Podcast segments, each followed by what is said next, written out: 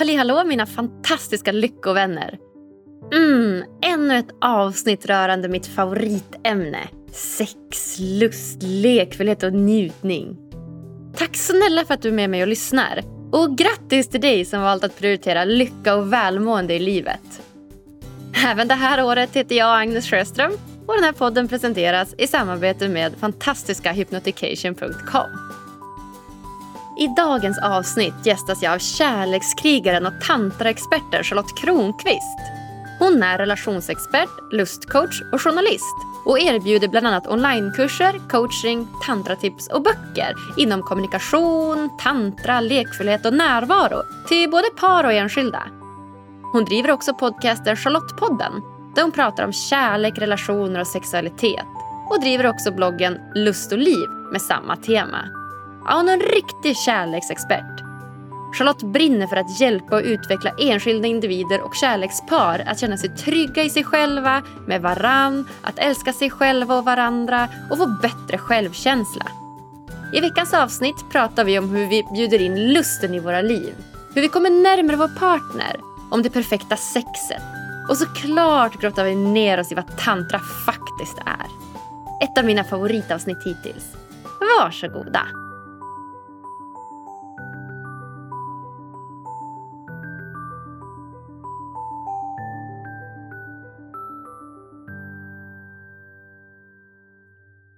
Hjärtligt välkommen till Lyckopodden, Charlotte Kronqvist! Hej, vad kul att se dig! Jag ser ju dig också och hör dig. Ja, ja men du, exakt vilken härlig energi du kom in med här i ditt eh, rosa livmodersrum.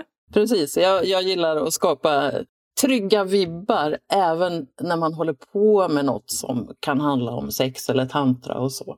Mm. Ja, men det är väl superhärligt. Det är ju en ganska utelämnande position säkert många gånger. Prata om sex och bli coachad inom sex och tantra så det är väl skitbra att försöka skapa en trygg miljö. Det är min erfarenhet. Och de som kommer till mig är ofta väldigt nervösa. Ja, jag kan tänka mig det. Du, Charlotte, är det du som är kärlekskrigaren? Ja, jag kallar mig för kärlekskrigare. Vill du veta varför? Ja, jättegärna. jo, men jag har sett så många som säger så här, åh vi ska meditera till en mer kärleksfull värld. Och det är jättefint att, att, att göra det och det kan ge någon energi. så. Men jag tror mer på handling. Så om vi vill ha en mer kärleksfull värld så behöver vi liksom stå upp för det, som att det är något viktigt. Och sen gör jag en skillnad mellan en soldat och en krigare.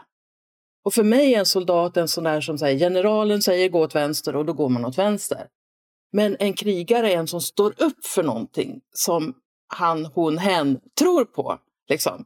Det här är viktigt för mig. Så jag vill markera det på något sätt. Och så tror jag också, eller jag anser att världen behöver mer kärlek. Det är så mycket rädsla.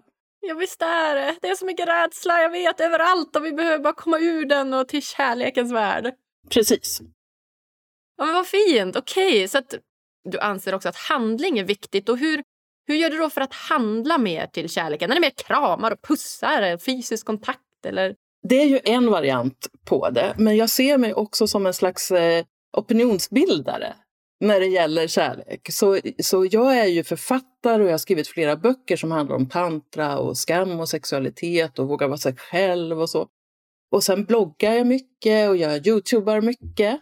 Så att jag försöker sprida ord om kärlek för att inspirera andra till eh, kärlek.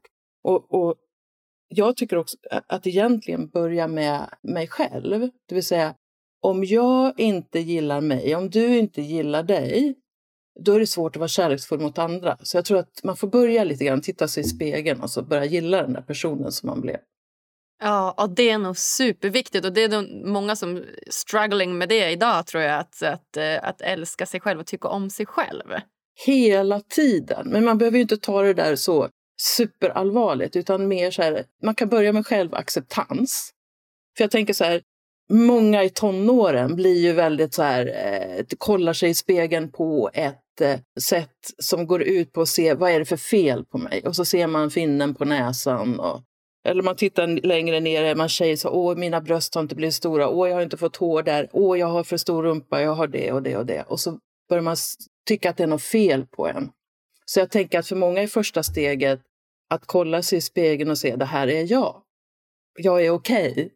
Sen kan man naturligtvis ge kroppen bra mat och röra på den och, och sådana saker. Men alltså att grundläggande är att säga det här, det här var den kropp jag har. Jag är okej. Okay. Ja.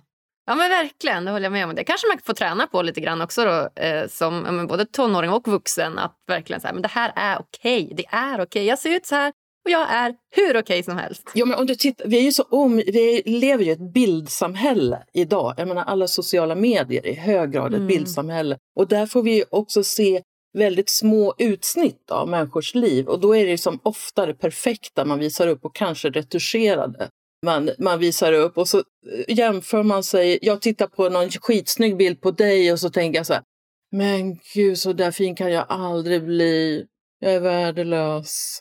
Och då kommer vi på en till, en till sak och det är att något som är tips från coachen direkt här, det är att försöka träna på att inte jämföra sig så mycket med andra. Ja, och det är ju lättare sagt än gjort. Hur gör man det? Ja, dels så, så kan man ju precis göra så och tänka så här, de här bilderna jag ser, hur verkliga är de? Ser jag verkligen Agnes som hon ser ut på riktigt? Eller är det här liksom en förhöjd bild som ska visa henne i en skönare dager? Jag tycker att det är rätt så befriande att gå in på konton på till exempel Instagram med sådana som, eh, som gillar sin kropp som den är. Stina Wolter är ju sån. Ja, ah, hon är cool alltså.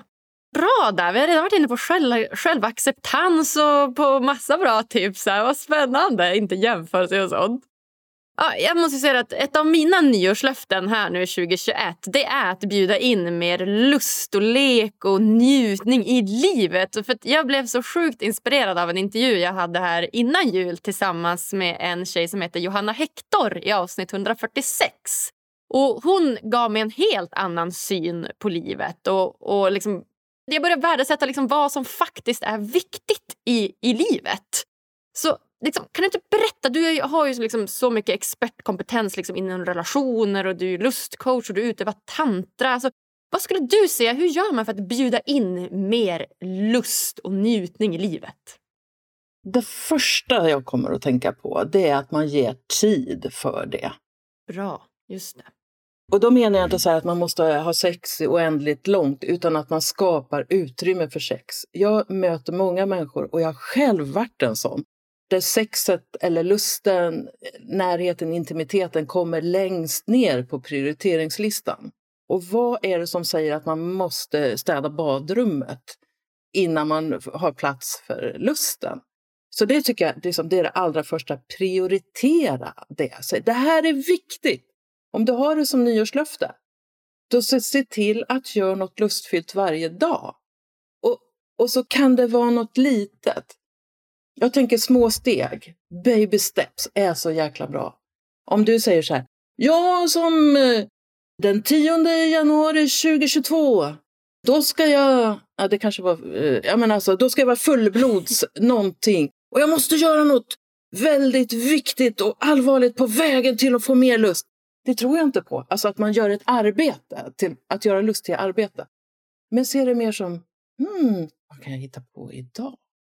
Finns det något som kan vara oväntat lustfyllt? Och det skulle ju kunna vara allting ifrån att du gör frukosten på ett sätt som känns härligt. Alltså allting behöver inte ha med kroppen och det, utan bara så här, vad, vad, tycker jag är lustfyllt? Och gud, jag doftar på den här parfymen. Oh, det ger mig en känsla av lust. Alltså, jag vill bara vidga gärna, börja gärna med att vidga vad är lustfyllt så att det inte blir så svårt. Ja, men verkligen. Det, det har jag också tänkt på. att så här, Det behöver inte handla om fysiskt sex utan mer äta en god chokladbit eller som ser, lukta på något gott eller titta på något vackert. Och Bara det ökar ju lusten och njutningen, tycker jag. Verkligen. Men sen kan man ju såklart jobba upp en förmåga att känna mer lust också. Alltså jag tror, jag tror att eh, när jag levde i eh, ett liv när jag hade lite lust och lite sex och så, så var det också svårt att väcka lusten. Så det finns något liksom självgenererande i det. Om du håller på mycket med lust så kommer du få mer lust. Så då gäller det att sätta igång den där liksom positiva spiralen. Jag tänker att bli vän med sin kropp är ju jätteviktigt. Det var ju ungefär det jag sa nyss. Men också att börja ta på kroppen med lust. Och inte tänka så här, ja mina gamla bröst, varför ska jag hålla på med dem? Eller insidan på mina lår, varför skulle de vara läckra att röra vid? Men då kan man träna på att röra vid sig själv och verkligen ha fokus på den här beröringen. Så att om du, om du, om vi säger att du skulle dra med händerna lös, smeka din kropp uppifrån och ner bara så här. Om du då tänker på så här, vad ska jag ställa för nästa fråga? Då är det inte lika skönt som om du bara gör det här. Och jag, nu som har tränat mycket, jag, alltså, jag känner en respons från kroppen. Alltså jag känner, jag drar med händerna från axlarna och så över brösten, jag har ju kläder på mig, och så passerar det bröstvårtorna och ner. Då känner jag liksom mina bröstvårtor. Alltså jag känner att de ger en liten respons sådär. Och det är väl för att jag har tränat på det. Så att, börja med att ta på sig själv och så vara nyfiken. Så här, hur känns det? Om, om du tar ena handen och rör den andra handen och så är du verkligen där. Vad händer? Hur känns det här mötet? Och så börjar jag vara så här, mm, vänta, det känns någonting. Ja, ah, härligt.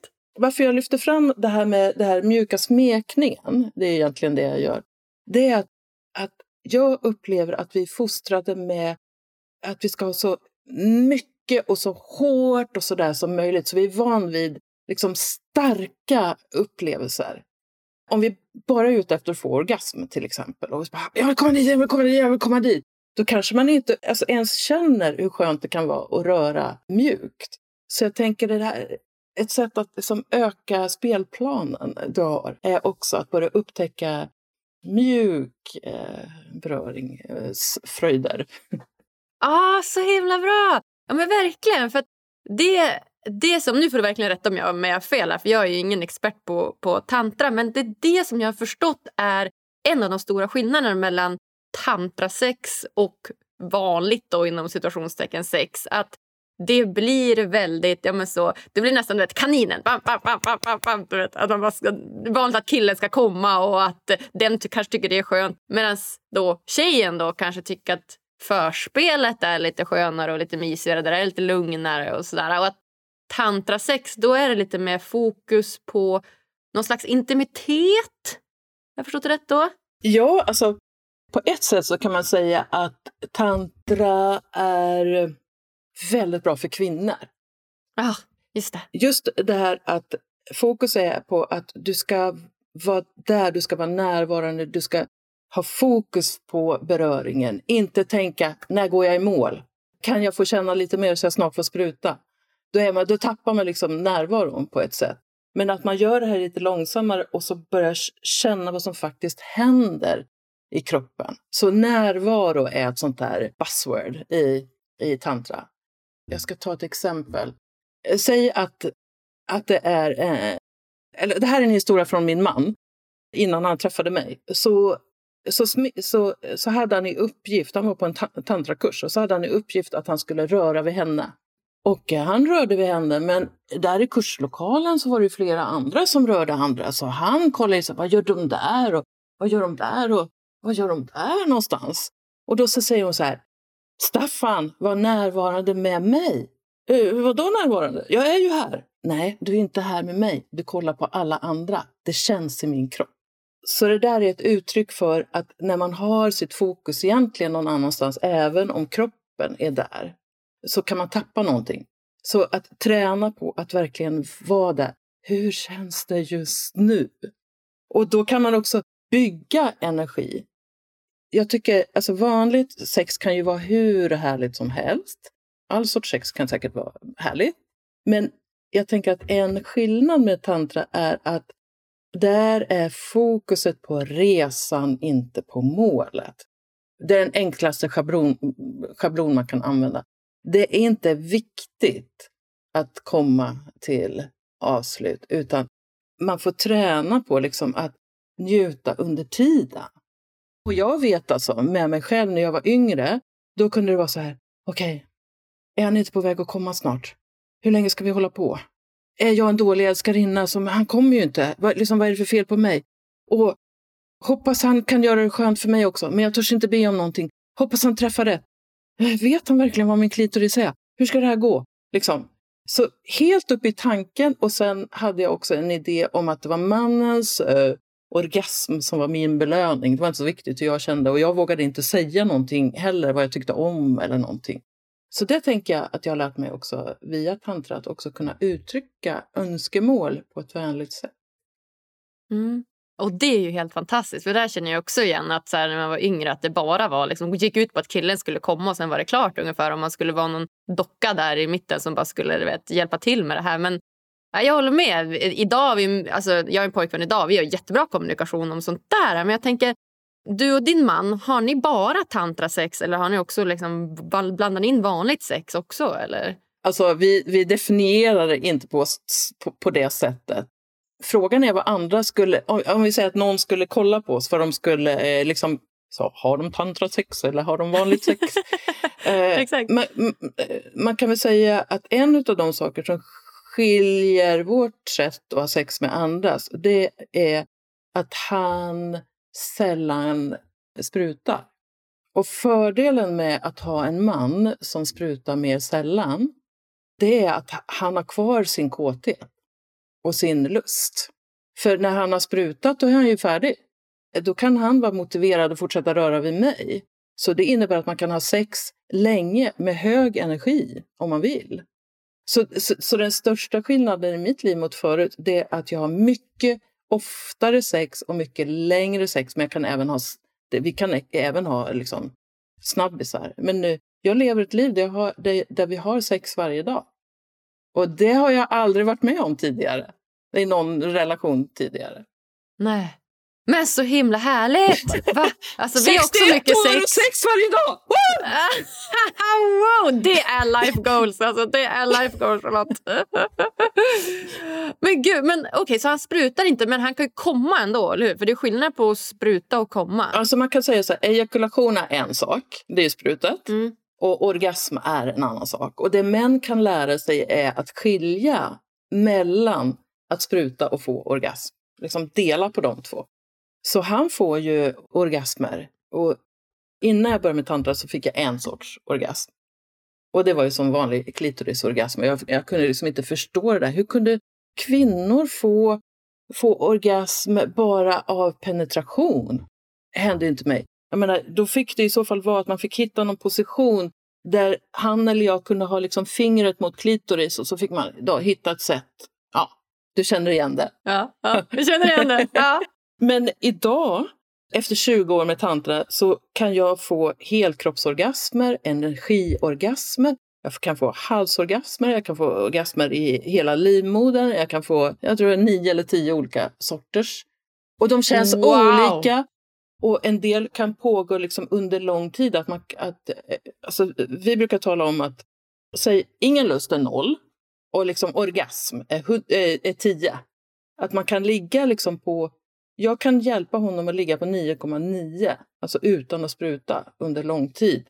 Och ja, alltså det, det är så himla härligt alltså. Det är fantastiskt. Ah, drömmen! Ja. En annan grej som är som man kan experimentera med i, i vilket sex man vill, men som vi experimenterar med, det är ju att liksom turas om att säga så här, nu vill jag vara i fokus en stund. Jag önskar mig det här. Och jag skulle vilja att du börjar med att massera min rygg och sen kan du så småningom liksom göra något mer. Okej. Okay. Och jag vill att du gör det för min skull. Så kan man också göra, eh, för, för, om man vill ha lite mer spicy, då kan man säga så här. Jag skulle vilja ta för mig utav dig. Jag skulle vilja börja med att, inte vet jag, smiska på din rumpa lite grann. Jag skulle vilja nafsa eh, på din bröstvårta. Ja, vad det nu är för någonting. Och då kallas det för att ta för sig. Då är det liksom jag som är där med hans tillåtelse och gör någonting för min skull. Så att man kan visa sin partner att både så här, jag vill ha något av dig, men också jag vill ta något av dig. Och den där är så himla rolig när det görs med samtycke. Våldtäkt är ju när man tar för sig utan samtycke. Eh, absolut. Mm. Men att leka med den här energin, liksom, att säga får jag göra det här med dig? Och så säger den andra ja. Och så bara yes! Ah, ah vad härligt! Ja, det låter helt drömmigt. Alltså nio olika orgasmer. Halsorgasmer. Det, det, ja, det låter Helt magiskt. Mm. Är det här något som du kan hjälpa till att lära ut? Alltså, jag tänker så här att själva ska man säga, kärleksakten, den, det kan människor själva. Så det kan man träna på själv.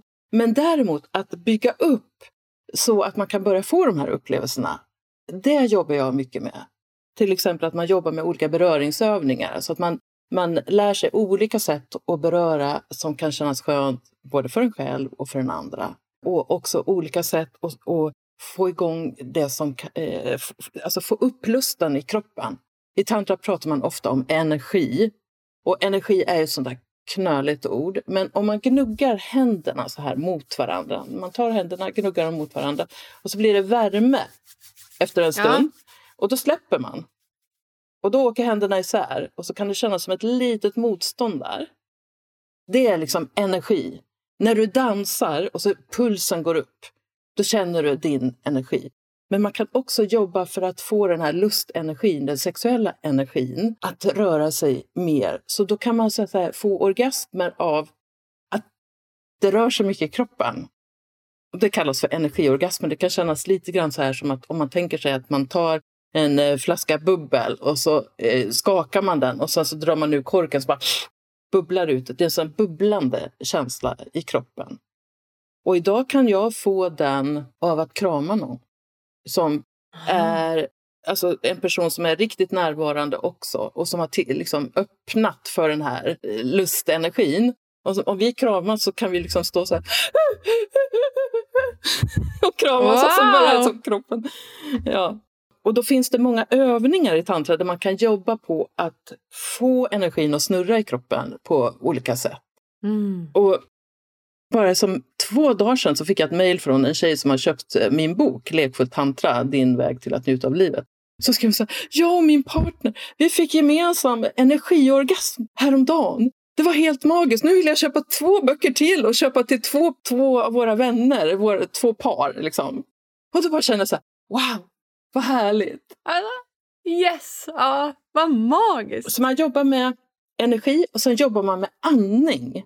Det är också en sån där viktig grej.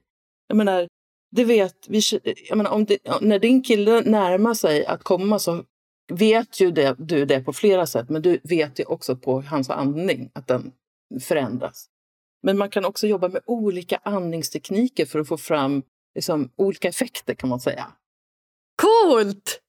Ah, shit, vad härligt! Så bara genom att andas så kan man liksom få olika typer av energier. Wow! Är det här något som man eh, får lära sig i din bok? Andningstekniker? Ja, det finns några andning, andningstekniker med i boken. Och så boken är ju en, jag kallar det för en grundbok i tantra. Det är lättläst och jag har försökt att skriva det liksom på begriplig svenska så det är inte massa konstiga ord. Och vem som helst ska kunna läsa den, är min tanke. Och så bjuder jag på mina erfarenheter. Men sen är det ju också att ta liksom steg från att läsa om hur man berör kroppen eller hur man kommunicerar eller så. Det är ju bara ett steg. Sen behöver man ju träna på att göra det också. Så om vi säger att du var singel och så träffar du någon och så säger de så här. Ja, jag har läst tre böcker om tantra. Typ som en raggarreplik. Jaha, okej. Har du testat något tantra då? Nej, men jag vet allting hur det funkar. Ja, det är ju den. Det är ju den. Ja, så det är väl också en grej som, som jag kommer på som är, som är så viktig. Det är det är ganska vanligt att ha liksom sex delvis i huvudet. Och man brukar också säga att hjärnan är den största turn-on-kroppsdelen. I, i, så här. Men om man bara är kvar i, i huvudet och inte känner det som känns i kroppen, då har man ju tappat bort någonting. Så tantra är också ett sätt att, man kan säga att det är som mindfulness plus kroppen. Och det finns ju så här ett andligt spår i tantra som inte, det är inte så viktigt för mig, men i många så här andliga traditioner så är det ju så här typ, de är ofta ganska så här maskulina, man ska sitta typ på ett berg och så ska man sitta rak i ryggen och så ska man eh, liksom eh, ha mantran i all e-, oändlighet och så. Och då finns en, i de traditionerna finns det en längtan bort från kroppen. Så man liksom ska andas uppåt till någonting som är större än en själv. Men det som är så häftigt med tantra det är att de säger ner i kroppen. Du lever, du, ska, du har en kropp för att du ska använda den. Du ska väl inte använda din kropp bara för att försöka ta dig någon annanstans. Så att den är väldigt så här, eh, bejakande till oss och våra kroppar. Det tycker jag är härligt. Verkligen. Att man liksom utgår från sin egna kropp och som ser ner i kroppen. För vi har ju så mycket liksom prestation och tankar i allt vi ska göra i jobb och plugg och allt vad det är. Så att, att ta den här tiden att verkligen komma ner i kroppen. Och om du vill ge oss liksom dina bästa dels tantratips och andningsövningstips, vilka skulle du dela med dig av då?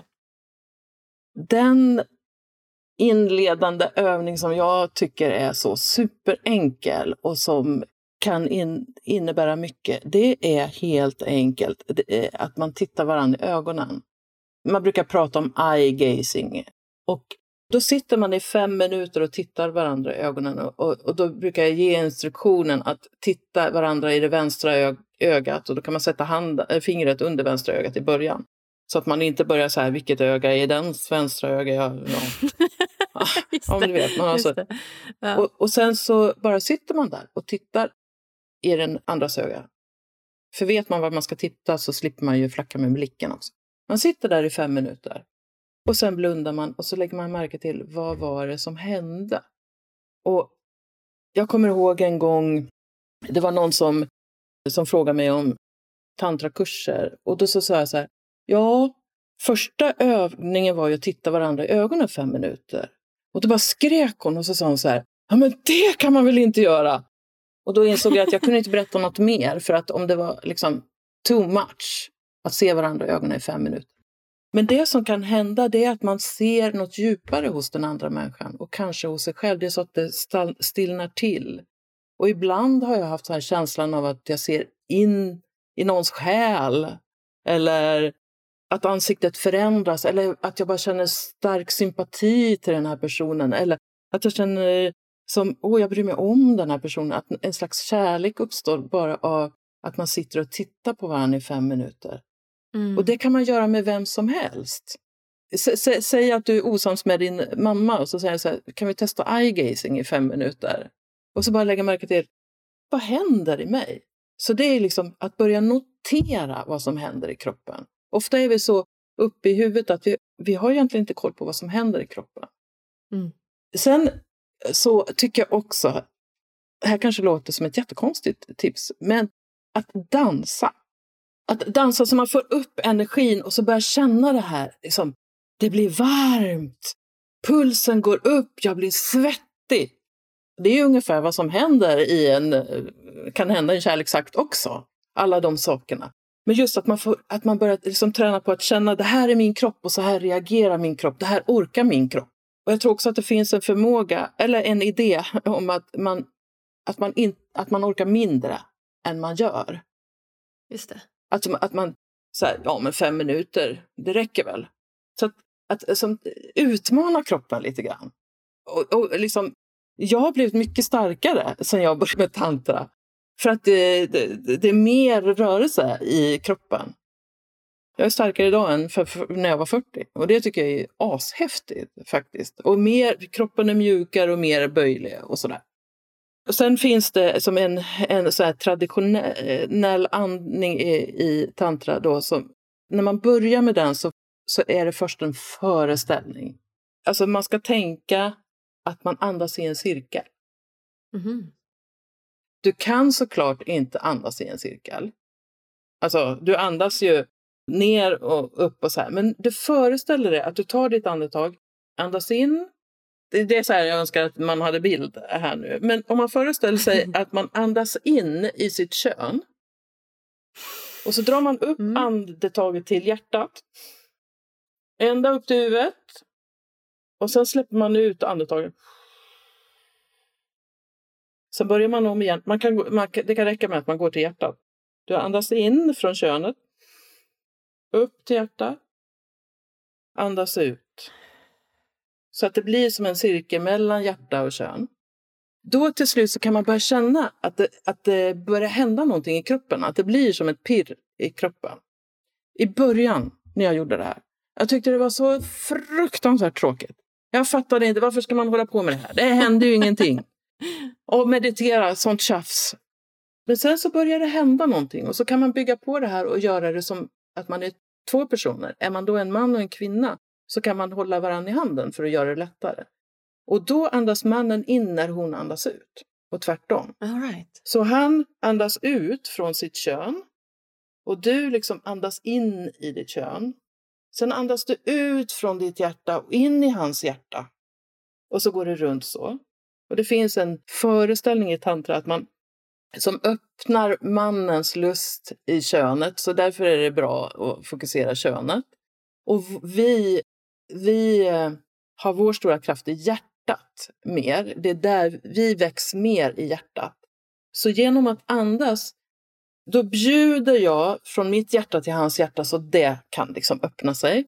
Och sen kommer han till könet, då bjuder han in mitt kön om man vill. Man kan se det så här om man vill, eller också så eh, ser man det som någonting annat. Om det känns liksom, vad fan, ska han andas in i min pussy? Ja, men beroende på hur det känns då. Men då ger Ja. han liksom av sin lust för att väcka din lust där. Så att man kan se den här andning, cirkelandningen för par nästan som, om man vill då, som en, som en eh, kärlek, en älskogslek. Så att man har som eh, sex fast på helt påklätt och, och så. Och när jag gör det där med Staffan så får jag energiorgasm efter liksom två minuter. Och det är som, vi har svårt att visa det för folk. Bara för att det, jag kan inte Va? liksom visa det så mycket för jag bara börjar- börjar. Men då har jag ju tränat länge. Och sen om jag sitter, om jag är liksom en kursledare och är på en kurs så är det ju också att det är massa människor som vill det, det finns en stämning så och då är det klart att det bygger också liksom energin. Så, att, så det är två sätt att liksom lä, eh, dels att se varandra i ögonen, att eh, börja andas som i en cirkel, testa det och räkna inte med att det känns något första gången. Och det är ju bara en föreställning att man andas in i sitt kön. Men grejen är att nu när jag gör det så känns det som att jag andas in i mitt kön. Så det har blivit så efter träning. Wow! Alltså det här är helt nytt för mig. Det låter hur coolt som helst. Jag ska, det blir direkt när min pojke kommer hem ikväll. Jag ska bara eye-gazing, andning, nu! ska jag. Äh, men shit vad coolt. Och alltså det, en av mina frågor var så här, ja, men, tycker du att tantra och lycka hänger ihop? Men det tänker jag inte att jag behöver inte ens ställa för det känns helt självklart att det verkligen hänger ihop. Absolut! Och jag, alltså jag menar ju på att ett av skälen till att jag är en kärlekskrigare är ju att om, om vi får vara med vår lust på det här sättet så kommer vi att bli lyckligare. Och lyckliga människor håller inte på och sprider konspirationsteorier eller pratar skit om andra eller är martyrer eller offer eller så. Så att det bidrar till eh, så mycket. Mm, verkligen. Och motverka rädslor. Ja, och, och, och en sak som det har betytt för mig är att jag är mindre sträng emot mig själv också. Jag har varit otroligt dömande mot mig själv. Jag tycker att jag duger inte.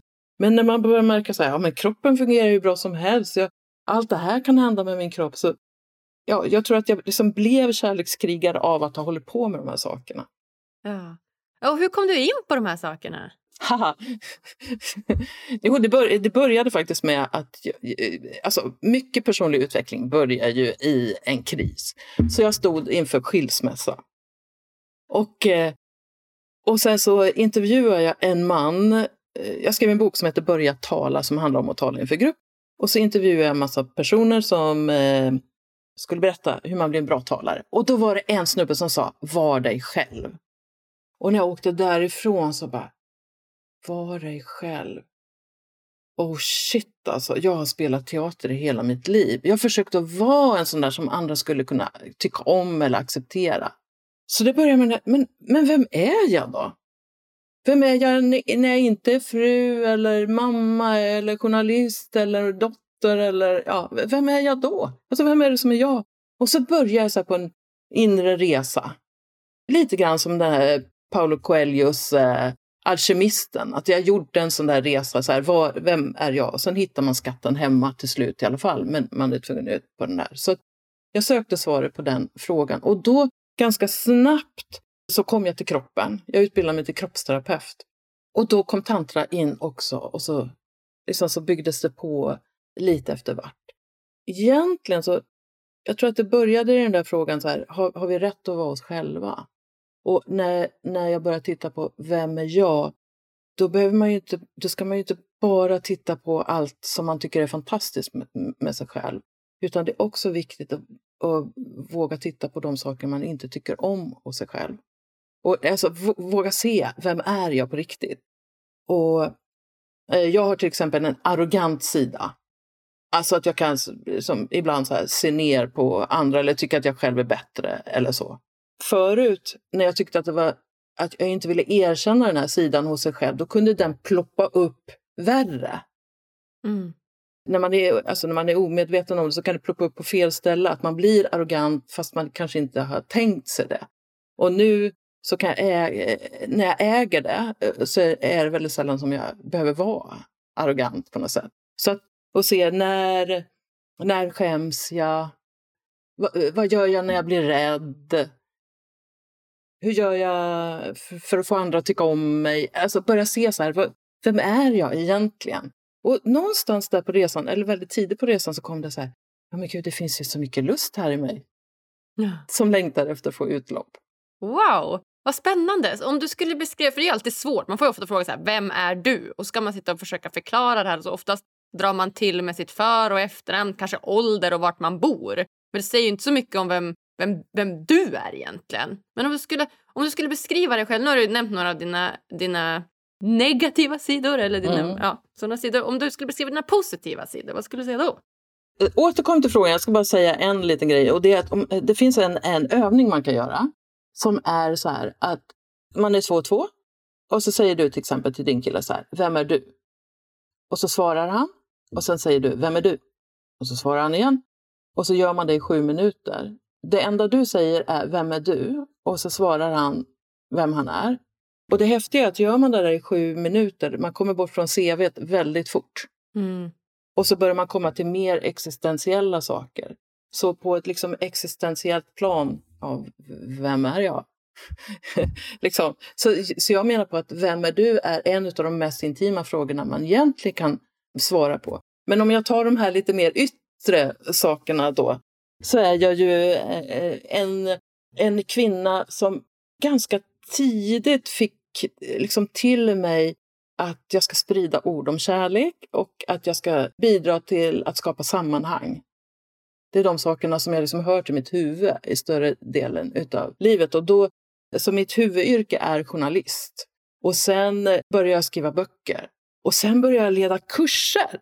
Alltså jag var skiträdd för att tala inför grupp och så, fick, så blev det så att jag skrev en bok som heter Börja tala och så blev jag så här, Åh, kan inte du leda kurser i att tala inför grupp? Och jag bara, jag hade lovat mig själv, jag ska alltid säga ja.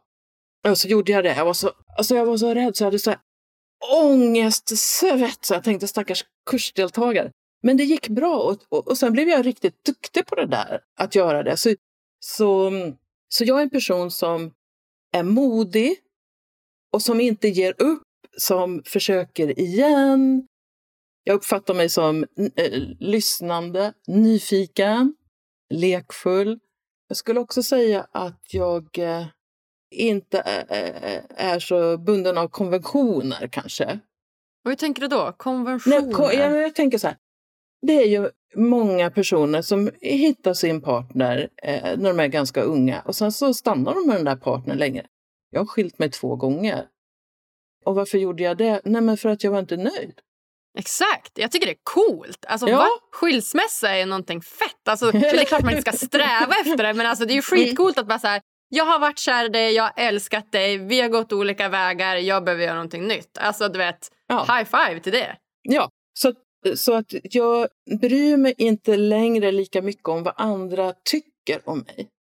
Men fortfarande kan det vara läskigt. Mm. Häromdagen så, så berättade jag i sociala medier om någonting som jag... Eh, jag var med i någonting som visade sig vara som ett pyramidspel och jag fattade inte det då när jag gick med och jag ville inte fatta det medan jag var med och sen gick jag ur. Jag förlorade 50 000 kronor och eh, drog inte in någon annan. Så att det var liksom, jag har bara mig själv att skylla. Och då att liksom, det jobbigaste med att skriva den där texten, det var ju så här, men tänk om folk tycker att jag är en idiot. Ja, men då kan man ju bara titta sig i spegeln så här, ja, jag var ju naiv och blåögd, så eh, att vara naiv och blåögd är också en del av mig. Men jag gjorde det.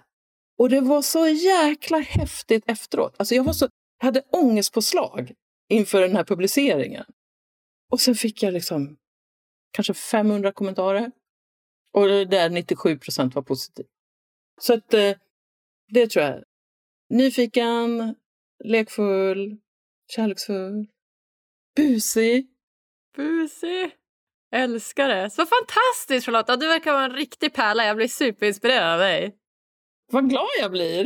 Ja, jag blir också glad. Jag är så glad. Det här var ju helt fantastiskt.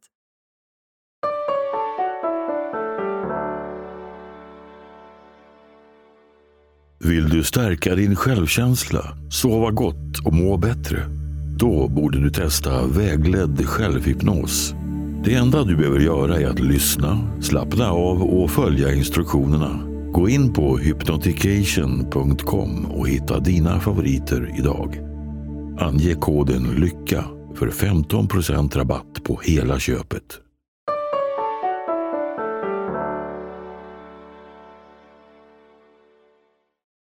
Hur skulle du beskriva det perfekta sexet? Gud, vilken svår fråga. Mm, eller hur? Och Det är också lite kopplat till vad man är sugen på såklart. Alltså, det ja, kan ju precis. vara lite det kan olika. ju, ja, ja. Ibland när jag är i ett orgasmiskt tillstånd, jag känner liksom verkligen närvaron med min man, så kan jag i det här orgasmiska, det kan upplevas som att jag kommer till delvis en annan dimension. Som att jag får en förändrad, en medvetande förändring. Så det känns både som att jag är där med honom och känner hans fysiska närvaro och samtidigt är det som att jag har en koppling till, till ett annat universum, till någonting som är större. Och det är en sån här total upplevelse. Om jag ska göra en jämförelse, den första gången jag var med om att känna så här, jag har total närvaro här, det var när jag skulle simma med delfiner med min son. Jag var tvungen att ha koll på honom och sen var jag tvungen att hålla koll liksom på andningen. Och det enda jag kunde tänka på var egentligen, jag hade honom i getögat så här, men det var så här att andas. Och så var jag där i vattnet och det var liksom total närvaro. Det var så här otrolig lyckokänsla. Som bara, det var jag och vattnet på något sätt. Mm. Och så såg man delfinerna en bit bort. så här. Och på samma sätt så kan det kännas eh, liksom när jag njuter riktigt mycket. Och det också känner att vi är i samklang med varandra. Så det är som att vi både njuter och så gör vi liksom besök i en annan värld. Ibland kan det också kännas som att han får komma in i mitt universum. Wow! Alltså att, ja, att, att jag får en förnimmelse av att inuti mig finns ett universum. Och att han liksom får komma in i det. Och häromdagen fick jag en bild av det. Och det var så här, om man tänker sig när, när en kvinna blir befruktad så är det ett stort ägg. Det skulle kunna motsvara ett universum. Och så kommer den där lilla spermien och så, så liksom går den in i ägget. Och lite så, så kan det, den där känslan kan kännas som att han är liksom på väg in i mitt eh, universum. Man kan ju tänka sig då vid penetration.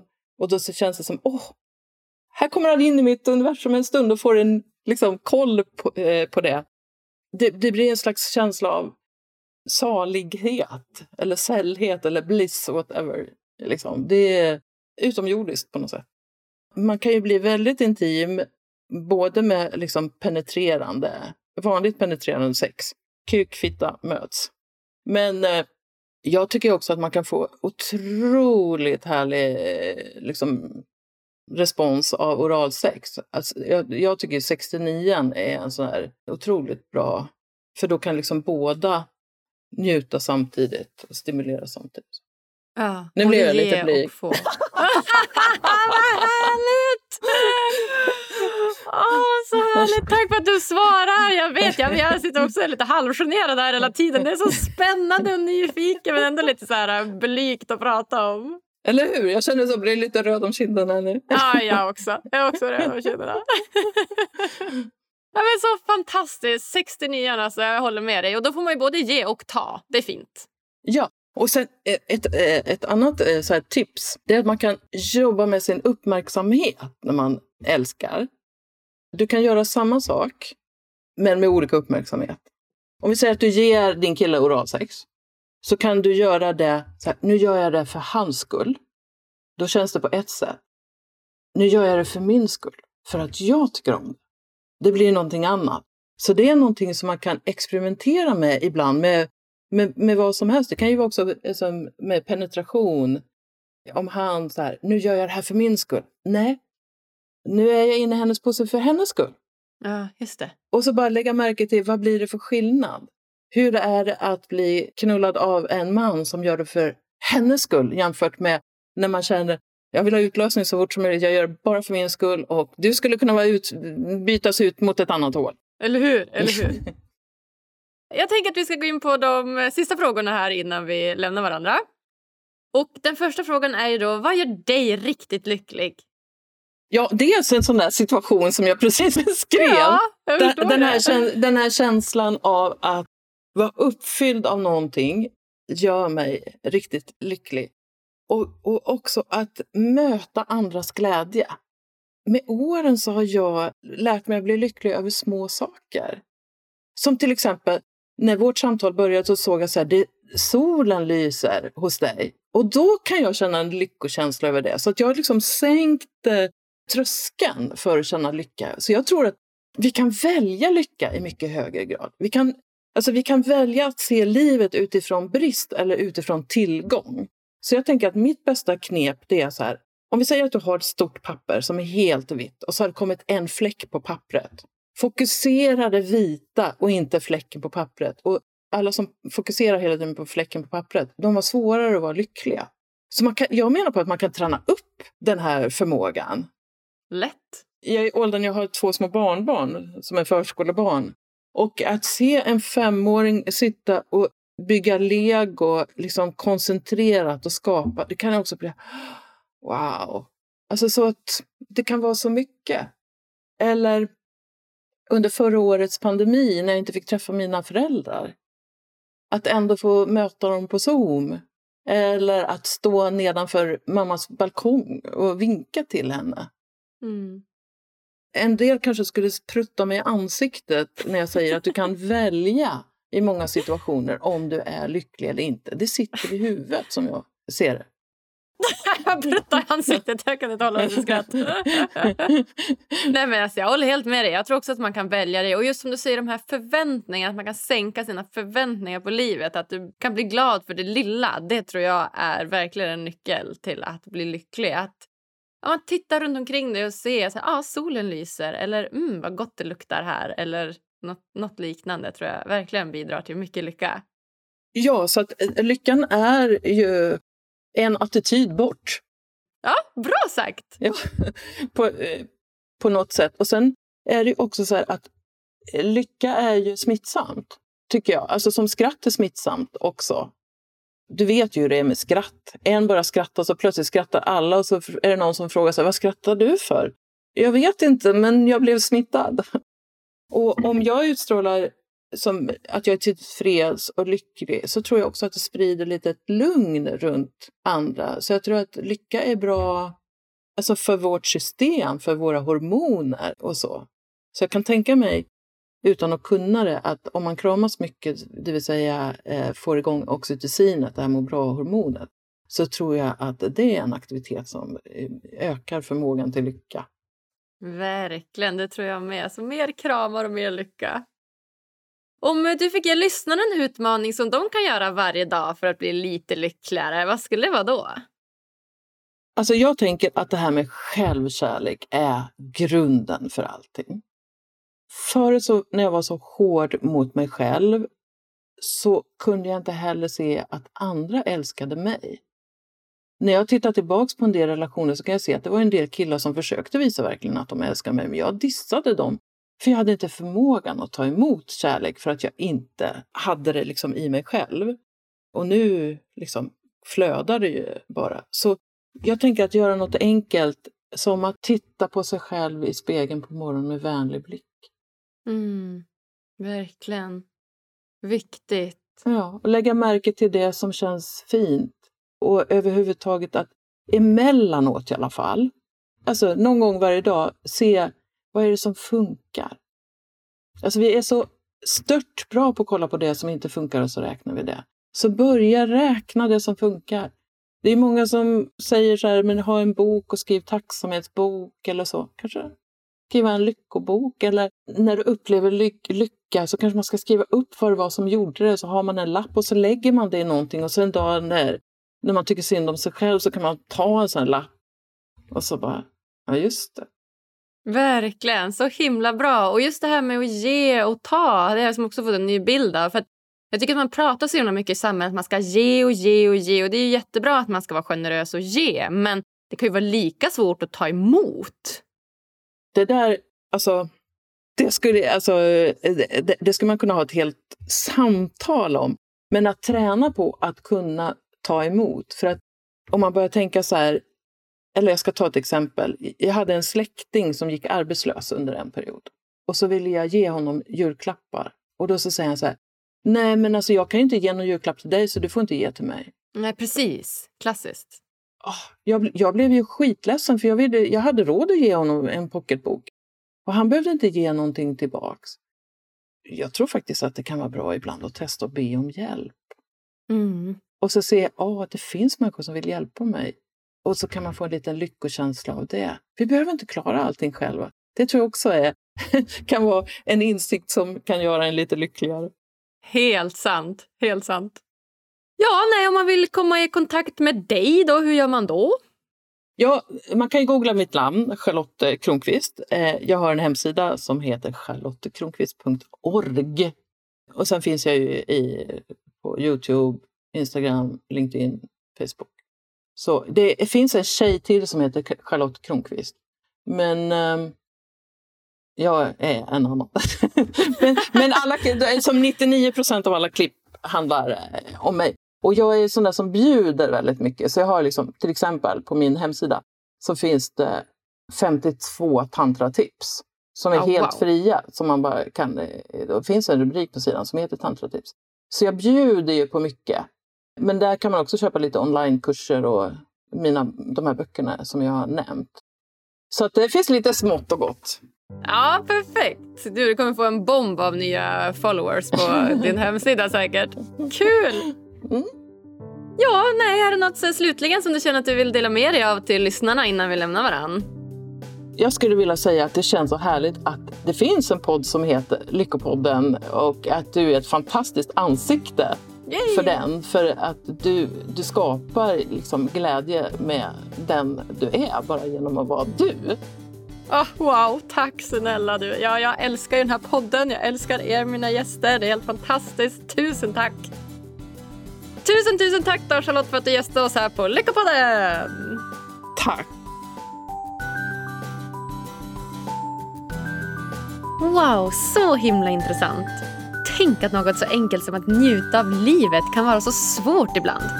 Ja, vilket riktigt energiknippe hon är Charlotte. Jag blir så sugen på att prova tantra. Tyckte du också om det här avsnittet?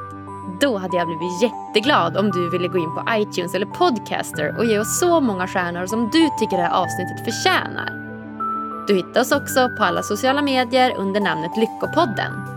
Och du, tack för att just du lyssnar. Vi hörs på tisdag igen. Puss och kram!